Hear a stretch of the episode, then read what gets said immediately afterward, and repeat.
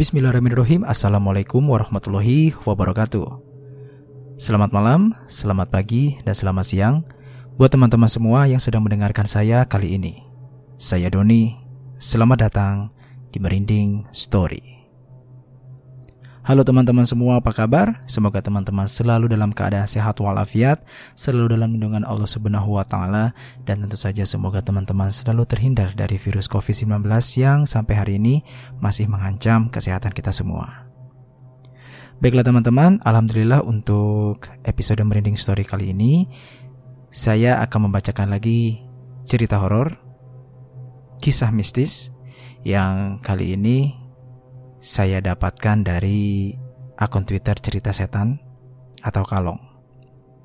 Dan cerita ini mengenai tentang seseorang yang memiliki kemampuan untuk berinteraksi dan juga memiliki kemampuan untuk mengetahui hal-hal yang berbau gaib. Baiklah, tanpa berlama-lama marilah kita langsung saja dengarkan ceritanya. Sebelumnya, seperti biasa, teman-teman harus berdoa terlebih dahulu ya. Kalau sudah berdoa, silakan pasang headset teman-teman, matikan lampu teman-teman, dan siapkan cemilan. Cerita akan segera dimulai. Berikut kisahnya.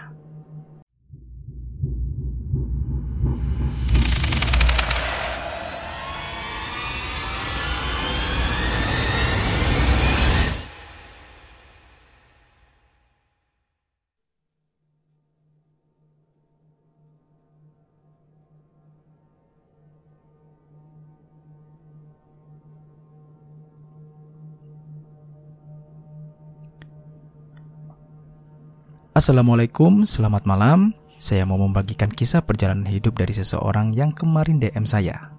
Suatu pengalaman gaib di mana dia tidak sepenuhnya percaya dengan apa yang telah dialami. Namun dari kejadian itu, dia mempunyai satu anugerah yang tidak dimiliki oleh orang lain. Narasumber meminta segala nama tokoh dan tempat untuk tidak disebutkan secara gamblang. Oleh karena itu, dalam cerita ini, semua nama tokoh dan tempat saya samarkan. Kita sebut saja namanya Mei, 25 tahun. Kemarin beliau sempat menceritakan kisah mistisnya ke saya. Karena sebelumnya, Mei ini belum pernah menceritakan kisahnya kepada orang lain kecuali suaminya sendiri. Karena dulu Mei takut jika pengalamannya ini diketahui orang lain dan dianggap orang aneh. Namun setelah berpikir keras dan akhirnya Mei setuju jika kisahnya ini dibagikan dan berharap dari semua kisahnya bisa diambil hikmah. Perjalanan hidup di saat umurnya 18 tahun itu benar-benar mengubah pandangannya terhadap hal gaib. Di mana pada awalnya sama sekali tidak percaya dengan adanya santet, dukun, dan apa pun itu. Mei anak pertama dari dua bersaudara. Adiknya bernama Zahra. Jarak mereka 10 tahun. Ayahnya seorang pejabat, di daerahnya ia tinggal, dan ibunya seorang PNS. Pada umurnya yang ke-18 itu, Mei dekat dengan seorang laki-laki yang kita sebut saja namanya Anton yang ternyata dia mempunyai kodam. Mei tahu karena Anton sendirilah yang menceritakannya. Anton juga menegaskan jika Mei ini berbeda, ada sesuatu di dalam dirinya. Namun Anton tidak menjelaskannya secara detail, membuat Mei penasaran waktu itu. Setiap Anton melewati daerah Wingit, Anton selalu menarik benda-benda gaib seperti keris, batu aki, dan benda semacamnya. Kejadian itu disaksikan sendiri oleh Mei jika sedang bersamanya. Jadi suatu ketika, di saat Anton bertamu ke rumah Mei, ia tiba-tiba membuat Mei merinding karena pada saat itu Anton bilang seperti ini kepada Mbak Mei. Aduh, ada yang mau ikut nih. Aku tarik dulu. Dan dengan lihainya, Anton mengambil benda pusaka itu dengan kain yang sudah ia genggam. Dan tiba-tiba muncullah benda pusaka itu di tangannya. Mulai dari situ Mei mulai tidak suka dengan apa yang telah dilakukan Anton. Karena memang dari dulu Mei tidak percaya dengan hal-hal seperti itu.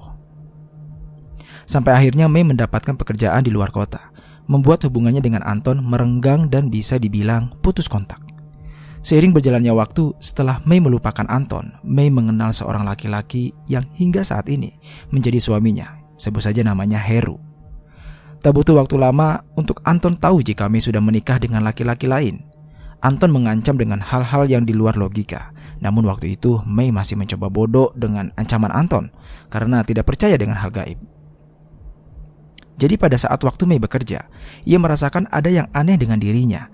Ia suka melamun, tidak fokus dengan pekerjaannya seperti orang linglung. Pernah pada suatu hari, saat Mei sedang ambil tindakan, karena Mei ini bekerja di sebuah rumah sakit, ia sampai salah tindakan. Yang seharusnya Mei mengambil tindakan ke pasien A, namun ia malah ke pasien B. Mei benar-benar tidak fokus pada saat itu. Hampir setiap malam, Mei bermimpi aneh, dikejar hewan buas, tersesat di hutan, atau bangunan tua namun selalu saja ada yang membantu menunjukkan jalan keluarnya. Karena stres dengan keadaannya, ia sempat berpikir untuk bunuh diri, entah itu menabrakkan diri dan sempat juga mengiris pergelangan tangannya, dan untungnya belum sampai pembuluh darah. Nah, dari kejadian ini, Mei tidak pernah menceritakan kepada orang tuanya karena dia kos di luar kota. Hingga akhirnya, setiap malam, tepatnya di bawah tempat tidurnya Mei, Mei selalu menemukan ular hitam, padahal tempat tidurnya ini tidak menggunakan dipan. Setiap hari ia selalu membersihkannya, namun tetap saja ular itu selalu datang di bawah tempat tidurnya. Sempat suatu hari, untuk memastikan setelah bersih-bersih kamar, teman kos Mei membuang ular itu jauh dari kosannya namun tak lama kemudian, setelah ditinggal ke dapur, saat Mei ingin memastikan lagi, ular itu sudah ada di lantai granit kamarnya dan membuat Mei bertanya-tanya.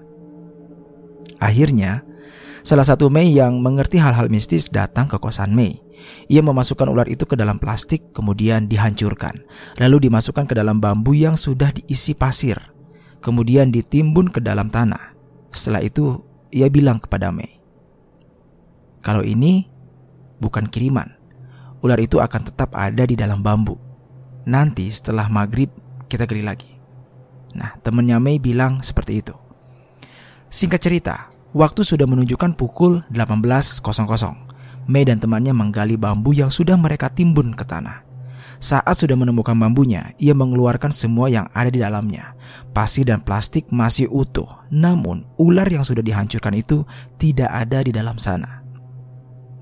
Akhirnya Mei memutuskan untuk pulang ke kampungnya. Ia menceritakan semua kejadian yang ia alami kepada orang tuanya. Orang tua Mei kemudian membawa Mei ke rumah Pak Ustadz. Di sana, Mei tiba-tiba kerasukan. Ia tahu apa yang diucapkan setan yang masuk ke tubuhnya. Namun Mei tidak bisa mengendalikan fisiknya.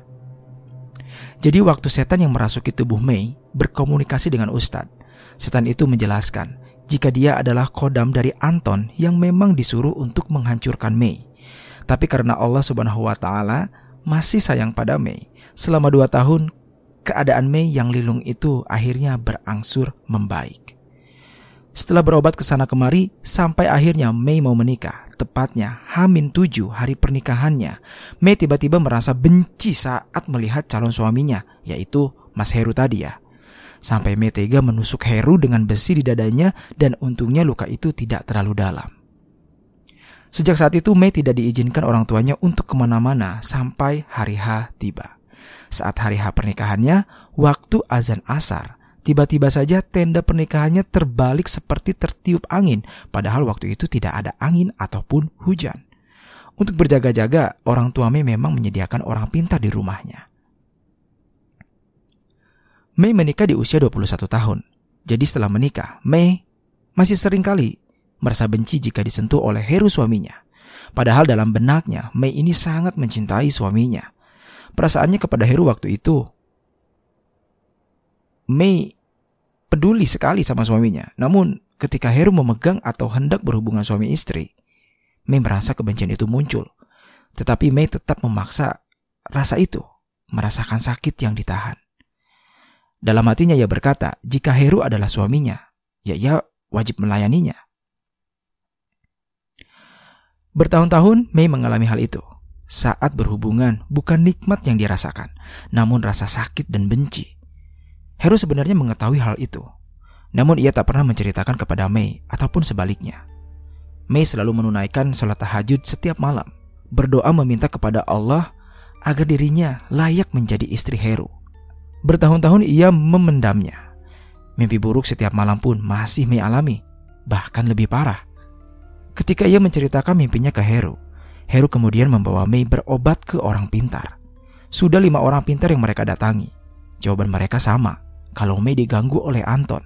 Namun nihil, tidak ada perubahan. Suatu ketika Mei bertemu dengan seorang lelaki paruh baya. Seorang yang sama, yaitu orang pintar. Sebut saja Pak Ahmad. Saat beliau mengobati Mei, ia tiba-tiba kesurupan lagi, yang merasuki masih sama seperti yang dulu. Selama lima tahun kejadian itu mengganggunya, dan alhamdulillah atas izinnya Mei terbebas dari gangguan itu. Sekarang Mei merasa menjadi orang normal kembali. Ia sudah tidak pernah merasakan sesak nafas tiba-tiba. Ia sudah tidak merasakan sakit lagi ketika berhubungan dengan suaminya. Intinya, Mei merasa nyaman dengan dirinya saat itu. Hingga menginjak umur ke-25 tahun, Mei balik ke kampung untuk silaturahmi ke orang tuanya. Namun ketika sampai di rumah, tiba-tiba saja Mei pingsan. Ia kerasukan korin dari kakek ayahnya. Sejak Mei berobat ke Pak Ahmad, dari situlah mulai terbuka semuanya tentang kakek, ayah, dan semua yang bersangkutan. Jadi, waktu pertama kali Mei kerasukan kakeknya, Beliau menyampaikan pesan untuk ayahnya jika kakeknya meninggalkan sebuah buku yang isinya tentang doa kepada ayah Mei. Karena ayahnya mempunyai saingan kerja, jadi kakek Mei menyuruh ayah Mei untuk mulai bisa mengamalkan doa yang kakek tinggalkan. Namun amalan itu tidak memerlukan tumbal atau apa pun, hanya mengamalkan doa. Di mana di dalam buku itu tertulis huruf Arab gundul dan tidak diperbolehkan meminta petunjuk orang lain untuk membacanya. Singkat cerita, sejak kerasukan itu, Mei mulai sensitif dengan hal-hal gaib. Kakek Mei bilang kepadanya, jika ayahnya tidak bisa mengamalkan maka semuanya akan turun ke Mei. Karena kakek dan para leluhur sebelumnya memang terkenal mempunyai ilmu. Kakeknya bilang kalau beliau yang selama ini menjaga Mei. Beliau juga yang memberitahu semuanya kepada suaminya dan Pak Ahmad. Jika ada sesuatu yang ditanam di sudut rumah dan seseorang yang berniat buruk kepada keluarganya. Setelah koren kakek keluar dari tubuh Mei, Mei merasa ada yang aneh dengan dirinya. Pada awalnya bisa dibilang menolak atau tidak percaya dan bingung dengan yang Mei alami waktu itu. Hingga setiap hari ia sholat hajat dan dia selalu berdoa. Ya Allah, jika ini semua tipu daya setan, mohon jauhkan dari kami. Tapi jika ini adalah petunjuk darimu dan memberikan manfaat kepada kami dan orang banyak, maka tuntunlah aku dan berikan aku petunjukmu. Tujuh hari berturut-turut Mei melaksanakan sholat hajat. Setiap malam ia bermimpi didatangi oleh laki-laki bersorban putih, jenggot putih, serba putih. Beliau dikelilingi oleh tujuh orang dan beliau berbicara kepada Mei. Nah, yang ingin ikut denganmu itu banyak. Tapi jangan pernah kau terima jika itu berasal dari setan. Tapi jika dari leluhurmu dan menggunakan asma Allah, maka silahkan. Itulah yang beliau ucapkan selama tujuh hari berturut-turut, namun waktu itu Mei masih belum menemukan jawabannya. Siapa sosok lelaki itu? Setelah kejadian itu, Mei sangat sensitif dengan hal-hal gaib, seperti warung yang ada penglarisnya, orang yang terkena guna-guna, atau ada orang yang mempunyai perewangan atau ilmu hitam. Semua langsung tersinkron olehnya. Namun Mei belum bisa melihat dengan jelas dengan mata terbuka. Barulah ia memejamkan matanya, kemudian semua akan nampak. Kakek Mei juga berpesan, jika Mei ini gampang untuk memanggil hal gaib, karena di dalam dirinya ada benda yang bisa memanggilnya. Namun Mei belum tahu wujudnya. Tanggapan Heru tentang hal ini tidak membuatnya kaget, karena Heru juga bisa merasakannya. Contohnya, setiap Heru merasakan tidak enak badan, kemudian meminta Mei untuk memijitnya. Hanya memegang tempat yang berasal sakit itu, Heru langsung sehat kembali. Dan selama itu juga Mei belum menyadari.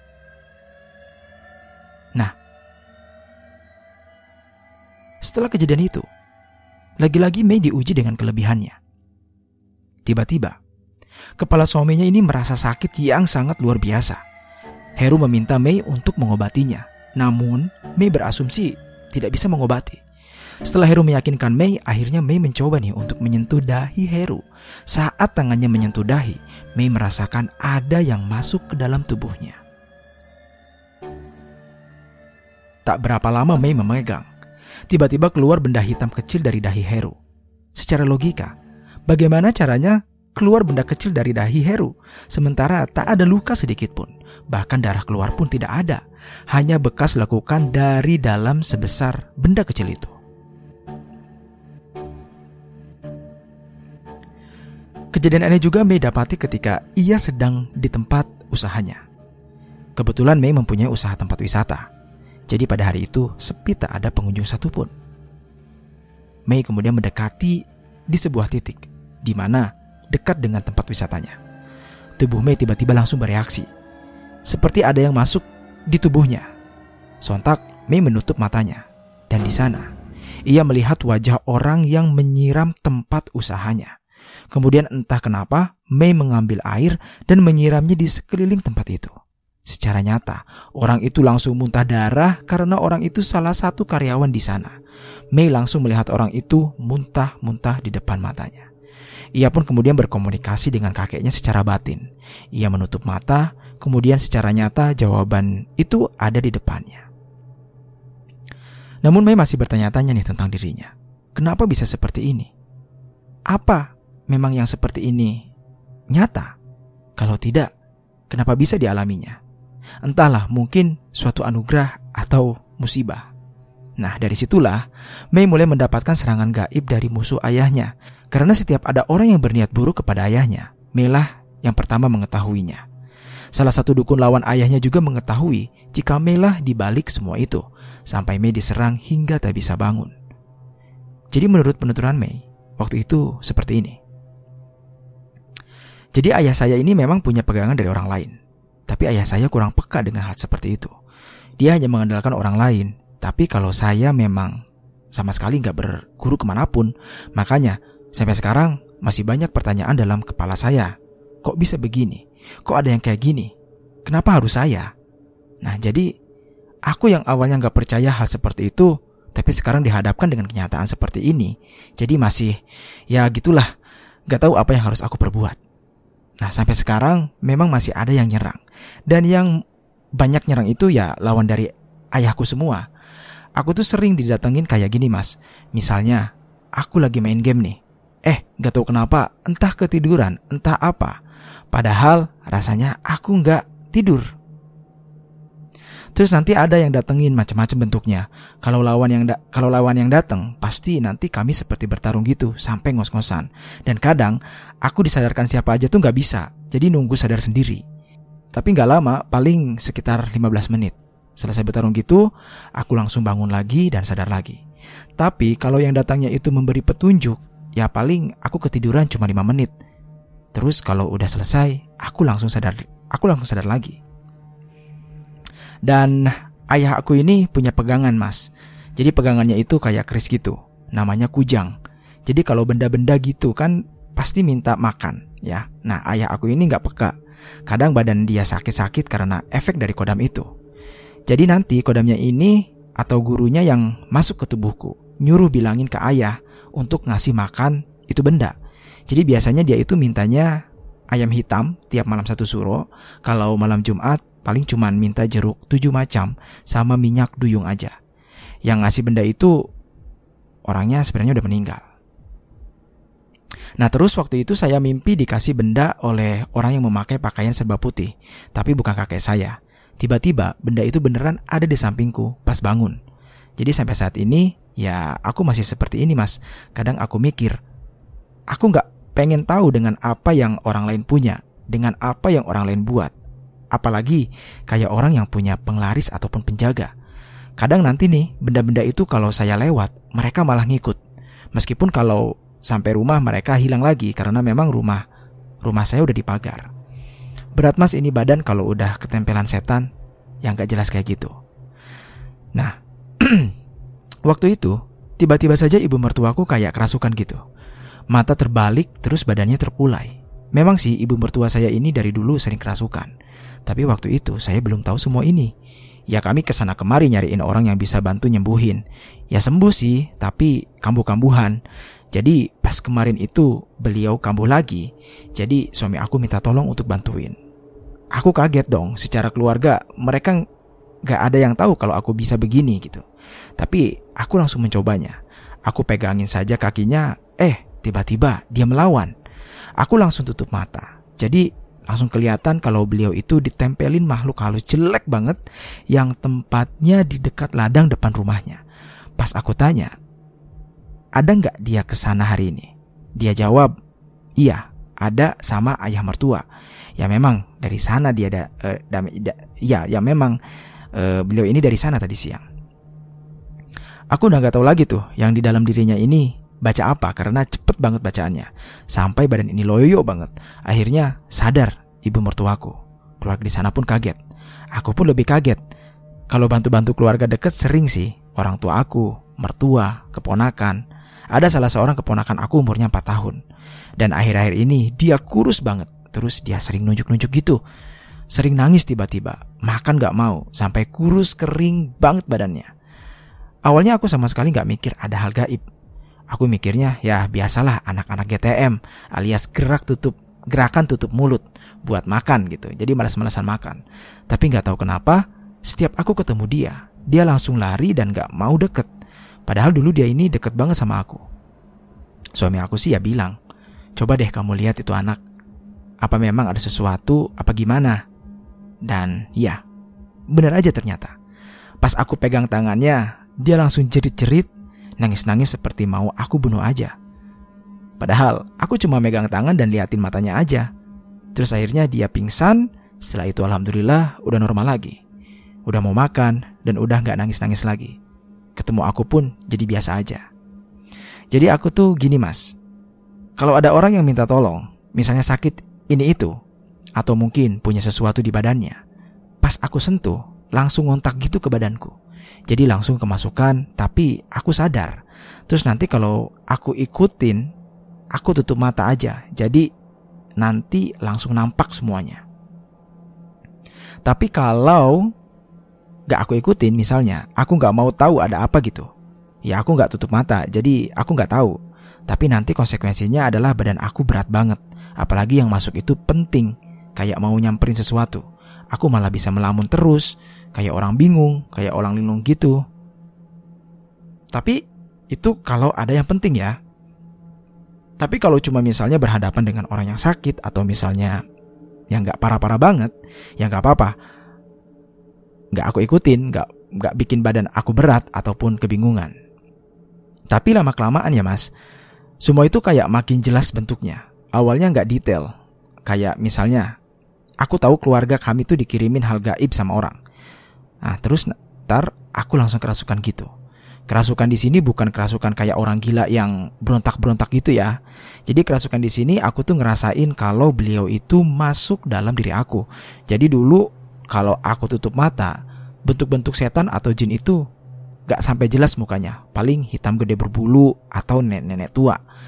Kalau sekarang yang datang itu banyak dan mukanya itu jelas-jelas semua. Sampai aku suka kaget sendiri. Tapi ya lama-kelamaan juga akhirnya terbiasa. Jadi pernah waktu itu aku mimpi, aku sama ayah lagi di pantai laut selatan. Jadi kami tuh di sebuah perahu gitu. Terus datang seorang kakek serba putih bilang sama aku kalau ayah aku disuruh ngasih makan benda yang ada sama ayahku. Benda itu bukan dari kakek aku ya mas ini, ini beda lagi. Terus ayahku disuruh yang di sana buat ngebuang kayak buah gitu warna merah tujuh buah ke laut. Terus langsung dibuang sama ayah kan. Jadi lautnya langsung berubah jadi merah gitu airnya. Itu masih di mimpi. Terus kemudian tiga hari berturut-turut aku mimpi kayak gitu terus. Nah setelah mimpi itu badan aku tuh berat banget. Aku pusing, aku kayak orang kebingungan. Jadinya aku bilang sama suami aku untuk ke rumahnya Pak Ahmad. Jadi pas ke sana, aku langsung kerasukan. Rupanya yang masuk itu ya kakek serba putih yang dimimpi aku itu. Beliau bilang kalau beliau itu disuruh gurunya untuk menyampaikan pesan kepada ayahku. Tapi beliau minta untuk tetap tinggal sama aku. Gak balik lagi ke tempatnya. Beliau tahu aku ada yang jaga, jadi beliau ingin dimasukin aja gitu ke suatu benda yang aku bawa terus. Jadi, kalau aku butuh pertolongan, panggil aja katanya. Jadi dipindahlah sama Pak Ahmad ke dalam batu. Tapi sampai sekarang gak pernah aku panggil sih. Nah, ada asiknya, ada enggaknya juga ini mas. Jadi lebih banyak bingung dan kagetnya. Ya maklum ya, karena kan orang yang kayak gini biasanya punya guru, jadi ada tempat bertanya gitu kan. Nah, aku ini asli Sumatera. Cuma yang ngasih benda ke ayahku itu orang Jawa sana, dekat daerah Baduy gitu. Tapi aku tahu di mimpi aku itu pantai selatan karena aku pernah beberapa kali ke sana. Ngamalin sesuatu yang khusus gitu nggak ada mas. Jadi cuma sholat aja, sholat hajat dan tahajud yang diperbanyak buat minta petunjuk. Cuma memang aku tuh pernah dikasih tahu gini sama, uh, aku tuh pernah dikasih tahu gini pas di mimpi. Aku tuh gak biasa kayak gini kayak, gak usah takut, nanti lama-lama terbiasa, kata kakek. Jangan sampai nanti aku kerasukan yang lain ya kek. Iya, Gak akan ada yang bisa ngerasukin kamu kecuali dari darah keturunan kita. Terus, kemudian aku dikasih doa gitu. Nah, pas aku bangun, aku kebayang jelas doanya. Tulisannya sampai hafal pula. Pernah pada suatu waktu kakekku meminta aku ngasih makan anak yatim. Terus kadang minta aku beliin baju anak yatim, tapi beliau nentuin kriterianya. Anak yatimnya yang laki-laki dan masih anak-anak gitu. Aku juga pernah dapat petunjuk kalau lagi ngerasain sesuatu yang kuat banget. Misal, membuang kiriman dari orang. Itu sebisa mungkin kaki nginjak tanah tanpa alas. Gak enaknya yaitu. Sering banget tengah malam itu kadang kayak ketindihan, gak bisa ngapa-ngapain. Kadang kayak bertarung gitu sama orang. Banyaklah pokoknya yang aneh-aneh menurut aku. Kadang aku ngomong sendiri. Ini aku perempuan hidup di zaman serba canggih ya. Tapi kok masih berhubungan dengan hal yang kayak gini gitu. Dan Kenapa semua ini terbukanya baru beberapa bulan belakang ini? Nah, kenapa nggak dari dulu? Kenapa pas sama Pak Ahmad itu kakek aku baru nunjukin bahwa beliau ada? Padahal sebelumnya aku juga udah banyak kenal orang pintar. Seperti itu mas. Nah sekian